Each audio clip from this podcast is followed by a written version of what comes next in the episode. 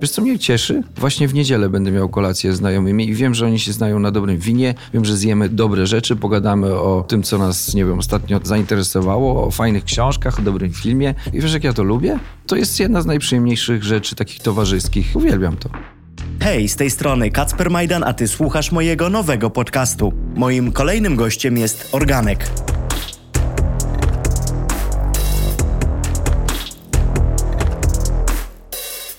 Przygotowując się do naszej rozmowy, sporo o tobie czytałem siłą rzeczy i mam wrażenie, że ostatnio zwłaszcza twoje wypowiedzi są nacechowane bardzo z takim dystansem, trochę cynizmem, mało w nich optymizmu i zacząłem się zastanawiać, kiedy ktoś cię ostatnio do łez doprowadził ze śmiechu.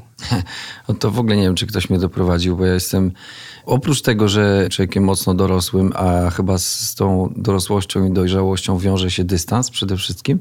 Tak mi się wydaje, bo jak obserwuję swoich starszych znajomych, to oni tym dystansem, może nie cynizmem, ale taką ironią komentują rzeczywistość. Czasami pewnie z cynizmem, ale na pewno z dystansu, więc to, to chyba mi się też już zaczyna udzielać. Co do łez od śmiechu, pewnie mnie ktoś rozśmieszył, ale to jest... Stand-uperów na przykład oglądasz, którzy Nie, się... właśnie, nie, wiesz, ja w ogóle nie lubię stand-upu. Nie lubisz? Nie lubię stand-upu. To jesteś ty tą jedyną osobą w Polsce w takim tak, razie. to chyba, to chyba ja jestem. Wiesz co, być może za mało śledzę ten trend, czy tę scenę, żeby wybrać sobie kogoś, kto mi pasuje, ale do tej pory to, co widzę, nie wiem, wiesz co, no ja niespecjalnie podzielam jakby estetycznie ten kierunek performerski. Oprócz tego, że się ktoś wybluzga tak na maksa i obrazi wszystkich dookoła, z czym nie mam problemu, jeśli to służy jakiemuś, wiesz, celowi wyższemu, wywołaniu jakiejś refleksji albo, albo szczerego uśmiechu, to okej. Okay. Bo rozumiem, że na stand-up przychodzą ludzie wyluzowani i również dystansem. No, albo chcący się przynajmniej wyluzować albo w tych chcący, ciężkich czasach. No właśnie, albo chcący się wyluzować. To okej, okay, ale ja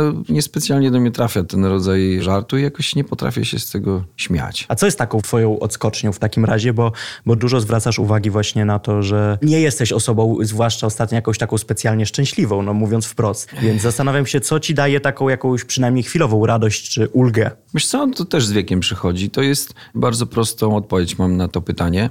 No wiesz, no czasy są ciężkie też i politycznie, i społecznie, no i z różnych względów, wiesz, różne prywatne sprawy nas dotykają, szczególnie też w covid Ja miałem też bardzo przykre przejścia prywatne, ale nie o tym chciałem mówić. Moim sposobem to są bardzo proste rzeczy. Czyli? To mi zajęło wiele, wiele lat i zawsze mi wszyscy ludzie powtarzali, terapeuci też, że najważniejsze jest tu i teraz, nie? To jest tak banalne, to jest taki truizm. Ale może przez to, że to jest aż tak banalne, to już nikt tego nawet na poważnie nie odbiera i może tu jest problem. Łącznie ze mną, wiesz, do tej pory, ale nauczyłem się, znaczy uczę się, tak konsekwentnie uczę się czerpać z danej chwili przyjemność. Na przykład biesiadując, nie wiem, jedząc dobre jedzenie, pijąc dobre wino, rozmawiając z fajnymi ludźmi, jeżdżąc na fajną wycieczkę, wiesz, jakby do czego dążę? Przestałem myśleć, że fajnie to będzie kiedyś i jeszcze to, co najlepsze, to mnie czeka i że jutro to będzie dopiero super, nie? Zajebiście. A dzisiaj, no to coś tam. Bo jest taka postawa w nas, no przynajmniej we mnie i nauczam się doceniać to, co jest teraz, dzisiaj, nie? Takie buddyjskie podejście, ale, ale bardzo mi bliskie. Więc to mi daje radość, naprawdę. A nie przytłacza cię to, co było? No bo wiele osób ma problem z tym, że głównie żyje no, swoimi porażkami, niepowodzeniami, smutkami z przeszłości, przez całe życie w zasadzie nie potrafiąc się z tego otrząsnąć otrząsnąć. Ktoś powiedział, że nie ma czasu przyszłego, ani przyszłego jest tylko teraźniejszy i teraz co z tym robisz? No od ciebie zależy. Można rozpatrywać oczywiście w czasie teraźniejszym, tu i teraz, wiesz, to co się wydarzyło. Tak. Oczywiście, jeżeli to służy jakiejś refleksji, to jak najbardziej, no ale jeżeli służy udręczaniu się i tak dalej i nie ma jakiejś takiej sensownej konsekwencji, no to, to do niczego nas to nie prowadzi. To właśnie odciąga nas od tego bycia tu i teraz, nie? Tak samo projekcja, wiesz, na przyszłość, że ja tak miałem bardzo przez długi czas, walczyłem z tym. Teraz to jeszcze jest tak, ale nieważne wiesz, co by się zdarzyło, ile sukcesów bym nie odniósł, to no dobra, teraz to jeszcze, ale jutro to będzie zajebiście, po, za rok w ogóle, wiesz, to ja będę gdzieś tam. A ile jest rozczarowań właśnie, jak się pojawia, no że właśnie. jutro nie jest zajebiście. Dlaczego? To właśnie o tym mówię, nie? Że ani nadmierne rozbabrywanie tego, co było, Oczywiście trzeba wyciągnąć wnioski, ale nie projektowanie sobie życia na 20 lat w przód, tylko po prostu bycie tu i teraz. Wiesz, co mnie cieszy? Właśnie w niedzielę będę miał kolację z znajomymi i wiem, że oni się znają na dobrym winie, wiem, że zjemy dobre rzeczy, pogadamy o tym, co nas, nie wiem, ostatnio zainteresowało, o fajnych książkach, o dobrym filmie. I wiesz, jak ja to lubię? To jest jedna z najprzyjemniejszych rzeczy takich towarzyskich. Uwielbiam to. No to jest niesamowite, bo w sumie teraz trochę myślę, podobnie odkąd wyjechałem z Lublina i przeprowadziłem się do Warszawy, no. też dużo radości sprawia mi wrócenie do tego miejsca, w którym dorastałem i spotkanie się z ludźmi, z którymi tam dorastałem no. i odcięcie się od tego życia, które mam tutaj teraz w Warszawie. Wspomniałeś kiedyś, że nie masz serdecznego stosunku do świata i zacząłem się zastanawiać, jaki masz. Bo to było takie bardzo chwytliwe. Mam stosunek osobisty, bardzo, wiesz, serdeczny. No, to jest takie uogólnienie i pewnie fajnie brzmi w nagłówku. No oczywiście jestem takim sceptykiem, może nawet czasami cynikiem i oglądam ten świat bardziej z troską, wiesz, niż z jakąś niechęcią bo wszyscy jesteśmy ludźmi, wszyscy mamy mniej więcej podobne życia, które się tam rozkładają. Wszyscy chcielibyśmy żyć w fajnym otoczeniu. No tak. Nie mam serdecznego stosunku do polityki, do całego syfu, który toczy nasze życia, który psuje nam życia, wiesz, do całego mnóstwa innych rzeczy, ale mam serdeczny stosunek do ludzi przede wszystkim, wiesz, i jakby patrzę z troską bardziej na ludzi dookoła, pochłoniętych różnymi rzeczami, których te rzeczy zjadają po prostu, wiesz, a, a tak naprawdę zapominamy o sobie wszyscy. Wiesz, no polityka na przykład tak wlazła nam do domów, że, że my się już czasami nie zapraszamy na święta na przykład, wiesz, albo takie rzeczy się dzieją w Polsce, nie? Więc to, że daliśmy się tak podzielić i tak zmęczyć sobą, to jest okropne. Wiesz, zapominamy o tym, że tak naprawdę ważny jest twój brat, twoja siostra, twój przyjaciel, wiesz, kolega, żona, matka i tak dalej, nie? To jest najważniejsze, co masz w życiu, nie? A nie to, czy poszedłeś głosować na tego, czy na tego. O tym warto rozmawiać, i trzeba o tym rozmawiać, bo trzeba... trzeba te emocje trochę też na bok odstawić. Właśnie i trzeba nauczyć się rozmawiać o wspólnej Polsce, nie? O, o takiej wspólnej przestrzeni, a nie tylko, że moja albo moja, wiesz, klasyk. Moja, moja i mojsza. Racja jest mojsza, no wiesz o co chodzi. Żebyśmy umieli żyć w jednym kraju na jakichś takich, no w jakimś porozumieniu względem, no. Mhm. Tylko wiesz co, jak ja patrzę na ludzi starszych od siebie, bo gdzieś tam też między takimi się głównie ostatnio obracam, to mam wrażenie, że to już są osoby, których się nie da przekonać, że to trzeba trochę zacząć od podstaw. A z drugiej strony tak sobie myślę, no dobra, zacznijmy teraz od podstaw i obserwując swoich rówieśników, ludzi trochę młodszych, każdy ma wyjebane, każdy żyje w swojej bańce. Nie zwraca uwagi na to, żeby rozmawiać, żeby budować mosty, żeby jakoś spróbować się porozumieć, tylko raczej my jesteśmy może wzorem naszych rodziców, z góry podzieleni. Ale wiesz dlaczego tak jest? Bo te konflikty światopoglądowe, wiesz, polityczne i tak dalej, one trwają już tak długo, że ludzie są tym maksymalnie zmęczeni.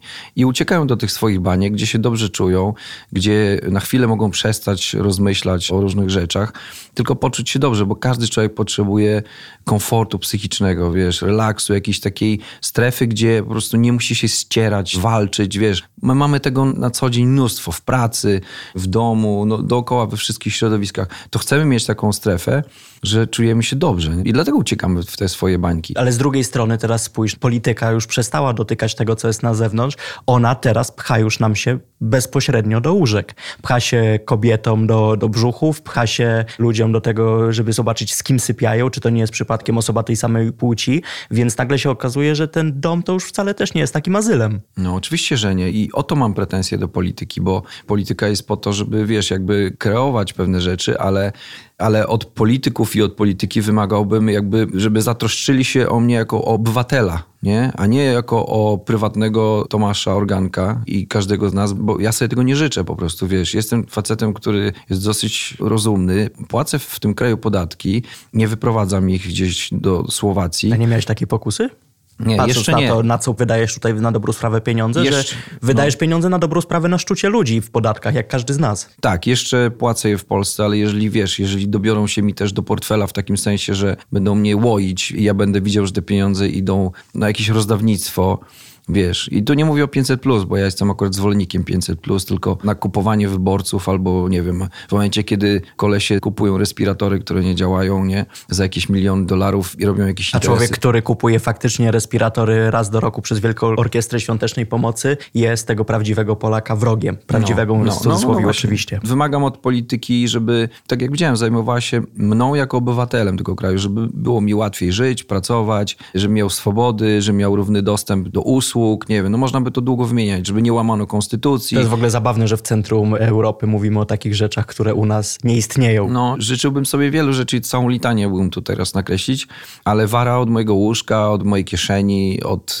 y, tego, co ja myślę, w co wierzę, czy wierzę, wiesz, i tak dalej, od spraw światopoglądowych i od głęboko prywatnych, bo, bo to jest niedopuszczalne, że się to w Polsce dzieje, wiesz. Ludzi się traktuje jak stado owiec, które się zagania albo w lewo, albo w prawo, więc na to nie ma mojej zgody. Chociaż trochę ludzie chyba też tego oczekują, że są już bardzo wygodni, dopóki mają co włożyć do gara, dopóki w sumie to, co się dzieje w Polsce jakoś jest w miarę zgodne z ich przekonaniem, a mówię tutaj o połowie tylko ludzi, to oni, oni są bardzo tacy uśpieni. Jest nawet takie powiedzenie, że syty niewolnik jest największym przeciwnikiem faktycznej wolności. No i to jest prawda, no i rzeczywiście połowa tego kraju, mniej więcej połowa tego kraju nie, nie widzi jakby problemu w tym, co się dzieje dookoła. Ten krąg się tak zawęża, wiesz, już tylu ludzi jest niezadowolonych z różnych rzeczy. Już nie mówię tylko o tym, o dostępie do, nie wiem, do aborcji, o takich światopoglądowych rzeczach, nie? O poszanowaniu mniejszości, bo to zwykle jest mniejszość, nawet tak statystycznie, no to nie ma takiej siły. Ale wiesz, no oni zabierają się teraz za teraz nowy ład, nie? Ten polski ład. No propozycja nowych podatków, który ma złupić najbardziej przedsiębiorców, to, to jest małe firmy. jak gąbki, no. No właśnie średnie i małe firmy, na których stoi w ogóle ten kraj. Wiesz, no to jeżeli już tego ludzie nie rozumieją, no to nie wiem, co potrafią, co będą mogli zrozumieć, wiesz. No myślę, że tak jak przy każdej władzy, to się, ona się zużywa, jest jakaś masa krytyczna i ilość tych potknięć, błędów, też mylnych strategii i spraw światopoglądowych i w ogóle jakby idei, która im przyświeca, no doprowadzi do ich upadku niechybnego, no teraz czy za chwilę.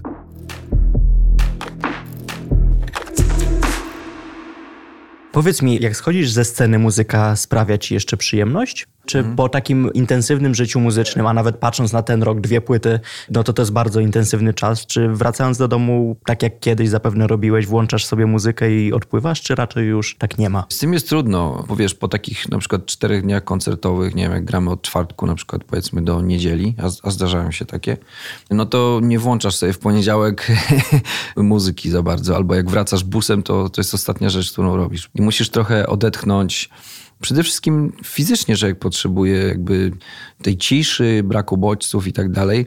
No a po drugie, nie jesteś w stanie się skupić, skupić swojej uwagi na nowych dźwiękach, wiesz, docenić kunszt i tak dalej. Potrzebna jest higiena pracy, naprawdę higiena przy tak intensywnym życiu, a jeszcze zdarzało się, wiesz, że ze sceny wracasz do studia, nie? Bo coś masz znowu do roboty. Ten taki slot wolny jest bardzo wąski w tym momencie. No ale oczywiście kocham muzykę i nie wyobrażam sobie jakby nie przebywać w jej towarzystwie. No ale na pewno to wymaga higieny, tak jak powiedziałem, i, no i odpoczynku. No. Bo w sumie tworzenie nowej muzyki, no to też jest inspirowanie się, tak mi się przynajmniej wydaje, innymi wykonawcami, często zupełnie innymi gatunkami. Wtedy się przecież edukujemy najbardziej muzycznie, kiedy poznajemy, zresztą nie tylko muzycznie, po prostu poznawanie. I zastanawiam się, czy na przykład teraz miałeś czas, w którym wydałeś dwie płyty i zrobiłeś się chyba dwie w tym roku, tak? Tak, tak. Czy przez to, że nie miałeś za dużo kontaktu z muzyką, chociażby przez koncertowanie, przez to, że mówisz, że czasami trzeba od tego odetchnąć, czy nie złapałeś się w pewnym momencie na etapie, że nie wiem, co co dalej zrobić, nie wiem, w którą stronę pójść, nie wiem, co stworzyć. Taki blackout kompletny. Na szczęście nie było tak w przypadku tych dwóch płyt, ale w ogóle, żeby zacząć nagrywać płytę, i to jest jakby trochę też odpowiedź taka zawieszona w powietrzu przez ludzi, którzy nas słuchają. Dlaczego 5 lat czekaliśmy na płytę, nie? No bo jeżeli grasz rocznie po 120 koncertów na przykład, to nie jesteś w stanie znaleźć przestrzeni, w której możesz nagrać płytę. Bo oprócz tego zmęczenia, o którym mówiłem, istnieje jeszcze coś takiego jak taka wolna przestrzeń kreatywna. Nie? Musisz być po prostu głodny jakby nowej muzyki, czy jakiegoś nowego przedsięwzięcia, bo tu nie tylko o muzykę chodzi. Musisz wytworzyć sobie taką przestrzeń, zacząć myśleć o tym kreatywnie, w ogóle musi ci zacząć chcieć w ogóle o tym myśleć, wiesz. I to wymaga dużo czasu. To nie jest tak, że, że ja już dzisiaj jestem gotowy na piątą płytę, wiesz. Zaraz ją sobie nagram. Pewnie bym nagrał, wiesz, jakąś tam wysiloną, ale to nie było... Skoro w ile w trzy tygodnie napisałeś teksty do, do płyty o Powstaniu Warszawskim, to... No napisałem, rzeczywiście. Właśnie wracając jeszcze do twojego pytania. Tutaj było trochę łatwiej, bo płyta na razie stoi, na razie patrzę, czyli ta nasza trzecia regularna. Ona była w dużej mierze już skomponowana w 19 roku i dużo tego materiału tam powstało, on był szlifowany, wiesz, i tak dalej. Po prostu pandemia nas mocno wstrzymała, dlatego graliśmy singlami tylko. Naszym takim, wiesz, najsilniejszym narzędziem promocyjnym są koncerty, wiesz, ludzie przychodzą i najczęściej z nami zostają na szczęście, na długo, nawet na lata. Więc pozbawieni tej możliwości zdecydowaliśmy się, że w ogóle nie, nie warto wydać płyty, że trzeba przeczekać to, nie? Natomiast jeżeli chodzi o Ocali nas miłość, no to temat jakby był zadany, nie? Bo trzeba było nagrać płytę na temat. I tu mi też z ogromną pomocą przyszedł ten Eugeniusz Lokajski, ten fotograf Brok. Tak, no to w ogóle piękna historia i bardzo fajnie tak. wcieliłeś się w jego postać. no troszkę wcieliłem się, bo jakoś ta historia mnie strasznie ujęła i jak obejrzałem album w, w muzeum, jak dyrektor Łodakowski nam go podsunął, to ja od razu wiedziałem, o czym będzie ta płyta, bo te zdjęcia były tak piękne i tak wymowne, intensywne też. I nie mówię tu tylko o zdjęciach, jakby o rejestracji całej tej tragedii, wiesz, o tej Właśnie najfajniejsze było to, że tam było no, uchwycone normalne życie. Właśnie. Picie kawki, herbatki, e, uśmiechnięci ludzie pomimo tego syfu dookoła. Tak. W sumie w ogóle taka refleksja przyszła do mnie po tym i czytając swoje wywiady na ten temat i słuchając tak. tej płyty, że cholera byli w 100% tacy sami ludzie jak my, że to kompletnie jest inny czas, ale oni zdecydowanie mieli te same potrzeby. Oni różnili się tylko tym, że może iPhone'ów nie mieli, tak? Idealnie odczytałeś moje intencje i jakby wystawialiśmy wspaniałą cenzurkę teraz, bo to było główne założenie, o którym gadaliśmy rok temu w Muzeum Powstania, siedząc właśnie przy stole z dyrektorem. Dla nich największą wartością jest to, że jeżeli ideę powstania i w ogóle całą historię przybliżymy młodym ludziom, w ogóle zainteresujemy, wiesz, no bo minęło 77 lat, za chwilę to będzie tak jak dla nas powstanie listopadowe, wiesz, no mhm. nie będzie budzić jakichś takich emocji, szczególnie, że ci powstańcy już wymierają. Bo... Ale ty to pokazałeś w nowoczesny sposób i wydaje mi się, patrząc na to, nawet jak sam ja odbieram historię, że nie ma tam tego kurzu, tego zapachu przeszłości, który często był odstraszający. No. Ty podałeś historię w sposób bardzo nowoczesny, przede wszystkim przystępny pokoleniowo i myślę, że tutaj jest ten główny gwóźdź do sukcesu. Dziękuję i kluczem jakby do tego było właśnie pisanie takie cross-pokoleniowe, znalezienie tych wartości, idei, które wtedy były ważne i dzisiaj są ważne. Nie bez kozery, wiesz, pojawił się na płycie Ralf Kamiński mówiący aniołowie upadli, nie? Mhm. To jest tekst o wolności, ale szeroko pojętej wolności, nie? O tolerancji. No w jego przypadku on bardzo był autentyczny w tym. No właśnie i dlatego ten tekst został przypisany mu, jakby ja z myślą o Ralfie napisałem ten tekst i ciekawe jest to, że Ralf był wtedy akurat bardzo zajęty. Wysłałem mu to i mówię, słuchałeś, słuchałeś? Nie, bo jeszcze coś nie mogłem. Nie, bo jeszcze coś, bo tu miałem coś. Mówię, no to posłuchaj proszę, bo ten... I on posłuchał i powiedział, że wchodzi w to, bo nie mógłby sobie wybaczyć, gdyby tej piosenki nie zaśpiewał. I wiesz, i to było super. Uchwyciliśmy się życia, wiesz, na tych zdjęciach, nie? I właśnie to jest to, że chciałem pokazać, że te 70 czy tam, nie wiem, nawet 100 lat temu ludzie byli tacy sami. Nie mieli iPhone'ów i nie mieli, wiesz, telewizorów 4K. Tak, nie nagrywali podcastów. Nie nagrywali podcastów, ale żyli takim samym życiem, mieli dokładnie takie same życia. Kłócili się, kochali, wiesz, balowali. Dlatego ta piosenka Idziemy w miasto na przykład, nie? Mhm. Ona, to ktoś mi zwrócił uwagę, że to kontrowersyjny tytuł. Bo wiesz, bo dzisiaj idziemy w miasto, no to z czym się kojarzy? No z melanżem. No, no z melanżem. Idziemy w miasto. Ee. Tylko, że ja czytałem relacje tych ludzi, nie? Bo też się przygotowywałem do tej płyty. I oni mieli troszkę podobne odczucia. Oni siedzieli pozamykani w domach, w piwnicach, w gettach, wiesz, po cztery lata i oni czuli po prostu w kurwa takiego. No bo oni chcieli tej namiastki normalności, no oni chcieli żyć jak ludzie, no. I jak się dowiedzieli, że mogą wyjść na ulicę, to oni mieli taką energię, jak my teraz mamy, wiesz, czasami idziemy coś zrobić, nie? Może to jest ryzykowne porównanie, ale jednak mi się wydaje, że w jakimś stopniu uprawnione. Wydaje mi się, że to nie jest zbyt idące daleko porównanie, bo to chyba u nas się w Polsce ogólnie utarło, że ten patriotyzm zawsze musi być z wielkiej litery, że zawsze o nim no mówić tak. można tylko na stojąco, a to tak. tak. na dobrą sprawę to wcale tak nie powinno wyglądać. No, to są ludzie, którzy nie mieli wpływu na to, że żyli w tych czasach, ale Oczywiście, nic się kompletnie nie różni od tego, jak jest teraz, poza Oczywiście. tym, że nie mamy powstania tutaj drugiego, chociaż nie wiadomo, jak to będzie patrząc na to, co się dzieje dookoła.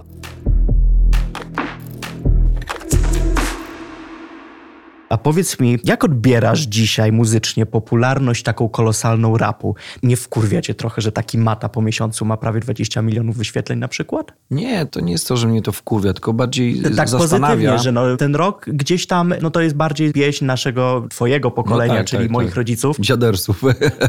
No, ja bym tak określił, aż tak młodzieżowy może nie jestem, ale czy trochę cię nie irytuje albo może nie zastanawia, jak zrobić, żeby z twoją muzyką na przykład tak było? Wiesz co, moja muzyka miała czas taki z dekadę temu, gdzie była na wierzchu jakby. To jest cykl, który się przerabia. Wiesz, jak patrzysz na historię muzyki, no to po prostu to się tak dzieje. No, w 70 latach była muzyka gitarowa, w 90 znowu wróciła w grunge'u, w 2000 wrócił z Jackiem White'em i znowu ta cała vintage'owa, to retro takie, wiesz, na, na nowo podane. W 80 latach był punk, więc ta gitarowa muzyka, ona co dekadę jakoś tam wraca.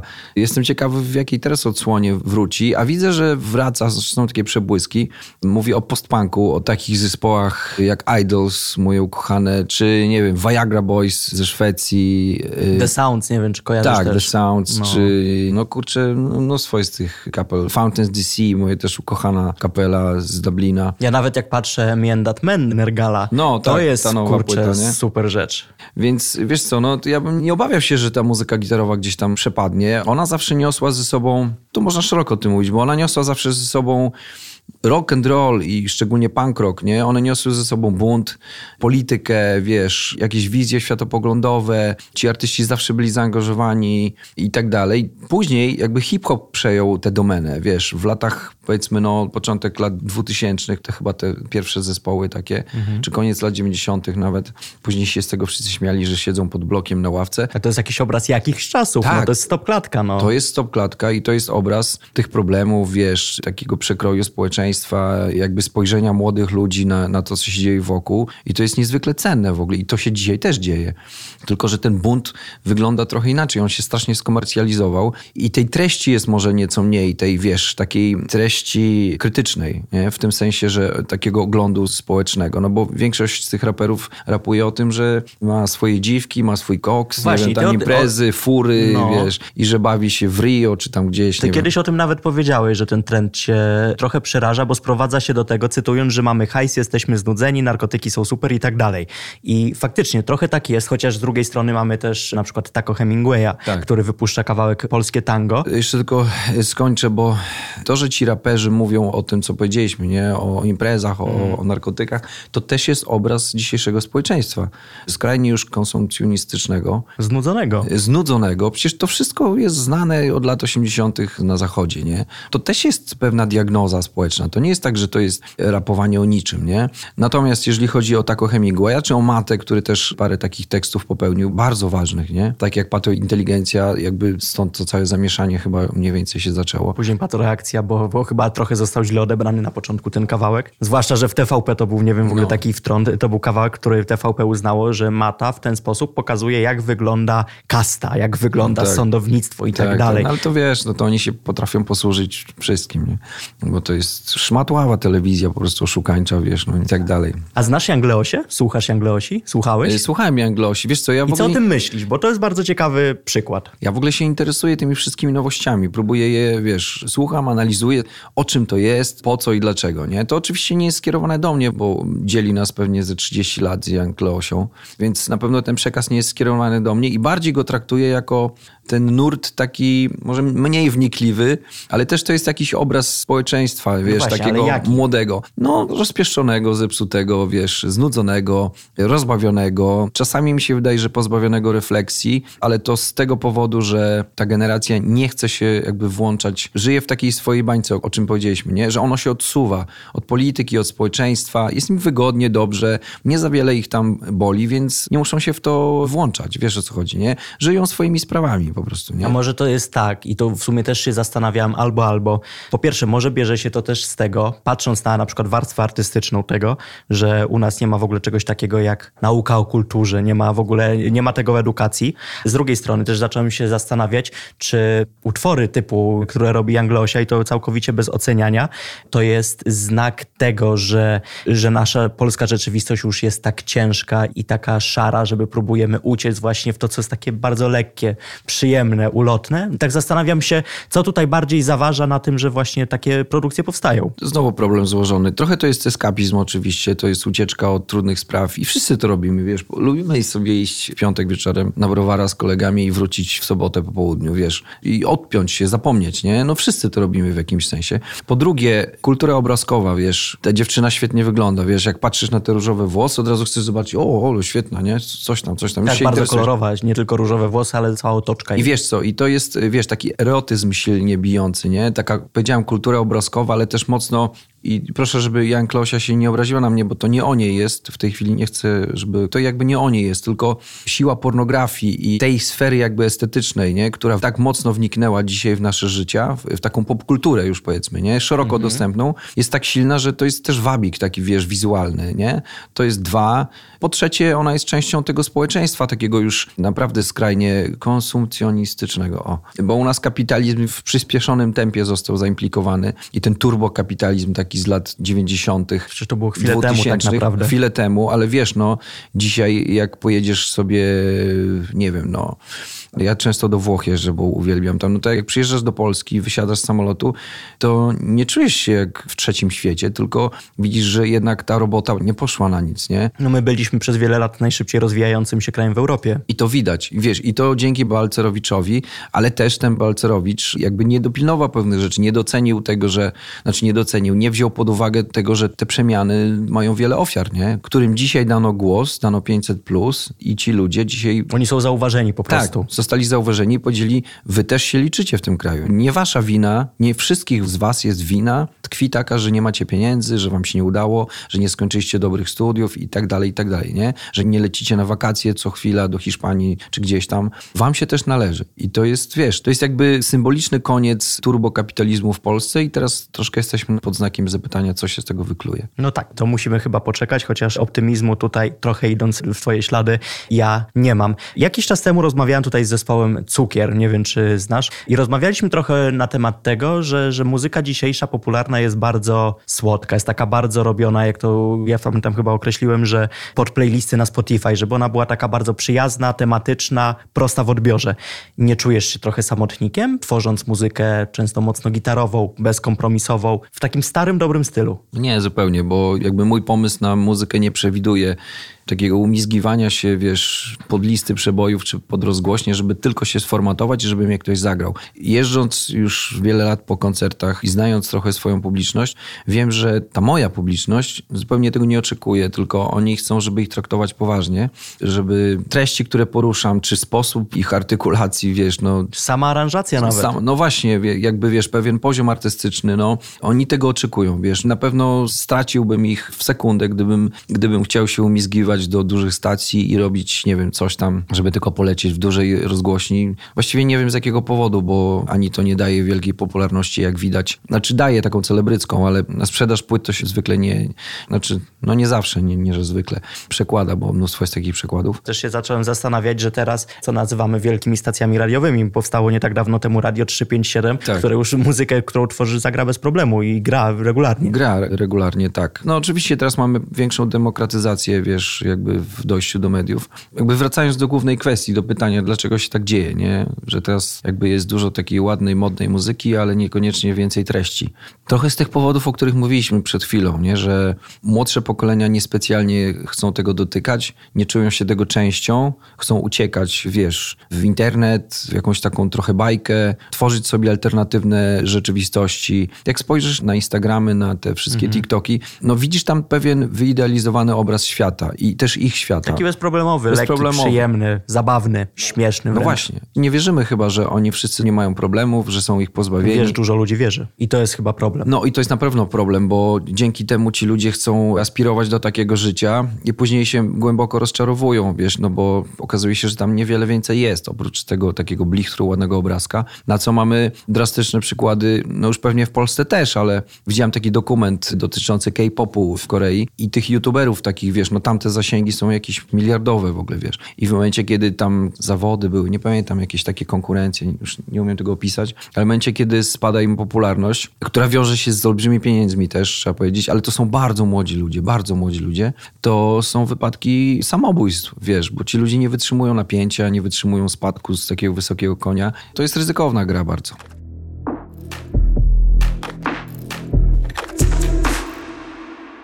Powiedz mi, bo już minęło trochę czasu od płyty. Na razie stoję, na razie patrzę. Jesteś zadowolony z recenzji, czy nie? Czytałeś w ogóle? Czytałem kilka. No, recenzja przede wszystkim to nie jest coś, co mnie jakby dosyć chłodno na to patrzę. Czasami jest lepsza, czasami gorsza. Te recenzje są dość chłodne. Nie wiem, czy widziałeś. Nie wiem, czy umiem się wypowiedzieć na ten temat. No to jest jakby zdanie redaktora, wiesz, dziennikarza i spoko, no każdy ma do niego prawo. Ja jestem z tej płyty bardzo zadowolony, ale, ale tak naprawdę bardzo. Świetnie się gra na koncertach Cieszę się jeszcze z jednej rzeczy, że ludzie, bo rozmawiałem z nimi o tym, bo to też była jakaś taka moja zagwozdka i ludzie mówią, że to nie jest jakaś rewolucja, nie? Bo bałem się tego, że ludzie pomyślą, że zupełnie zerwałem ze wszystkim, że teraz... Nie zerwałeś, to jest kontynuacja, No to właśnie spójne. i to jest super. No i to, to mnie bardzo cieszy, że to zostało zrozumiane. Bardzo lubię niektóre te piosenki. Jezu, ja Pogo uwielbiam za tekst. No i świetnie się to gra i wiesz, co jest dla mnie najważniejsze, że nie stoimy w miejscu, nie? Że nie nagrywamy cały czas głupi ja, bo gdybyśmy to robili, to ja bym, nie wiem, rozwiązał ten zespół i założył chyba drugi, bo dla mnie takie stanie w miejscu i nagrywanie bezpiecznej jednej płyty to jest jakaś kompletna nuda, zaprzeczenie, Rozwoju ducha artysty. no coś takiego, no idei, która mnie toczy. Ja dzisiaj, jak jechałem wszystkim. tutaj do studia, znając już twoją nową płytę, włączyłem sobie właśnie płytę Głupi i uznałem, to jest płyta zupełnie inna od tego, co jest teraz, co jest naturalne, no bo to zaraz będzie dekada od tej płyty. Tak. A z drugiej strony wiem, że na tej i na tej płycie jesteś ty, więc to jest fajne. Super, super. A zastanawiam się, bo w przypadku książki o tym mówiłeś, że No. dużo krytyków było bardzo sceptycznych do tego, co napisałeś, a z drugiej strony miałeś dużo feedbacku od pisarzy, że to jest super. Tak. I zastanawiam się, czy w przypadku tej płyty jest podobnie. To znaczy, że musieliby mi jej teraz pogratulować muzycy. Że nie, wiesz, no nie chodzi o gratulowanie, ale podzielenie się zdaniem, opiniami, tym, co czują. Bo ja na przykład uważam, że No. twoja płyta, zresztą co sam też podkreślałeś, jest czymś takim, że ty chciałeś czegoś nowego. Że nie Tak, możemy wiecznie nawiązywać do tego, co było muzycznie, tylko chciałeś tak. Czegoś nowego. Tak. A z drugiej strony czytam recenzję, że komuś to brzmi jak lata 80. I, i że to jest płyta osadzona w historii. Mam wrażenie, że tu jakieś niezrozumienie, może trochę też konwencji nastąpiło i zastanawiam się, jak ludzie, którzy są, mówiąc bardzo obrazowo, no w tym samym fachu, co myślą i co czują. Wiesz co, no dostałem fajny feedback od znajomych, znaczy mówię o muzykach. Świetny feedback, wiesz, jest na koncertach. Płyta się sprzedaje, no nie wiem jak mam to odbierać, wiesz, no trudno mi czasami też polemizować z tymi dziennikarzami, bo czasami widzę, że następuje jakieś kompletne niezrozumienie, wiesz, moich intencji, tematu. Jezu, no każdy ma prawo do, do swojej oceny. Ja niespecjalnie się chcę na tym skupiać, wiesz, dla mnie najważniejsze jest to, co ja widzę na koncertach, ile biletów się sprzedaje i jak reagują ludzie na te nowe piosenki. To jest dla mnie najważniejsze, wiesz, a czy ktoś napisze lepiej czy gorzej, no to jego, jego wola, no co mam zrobić?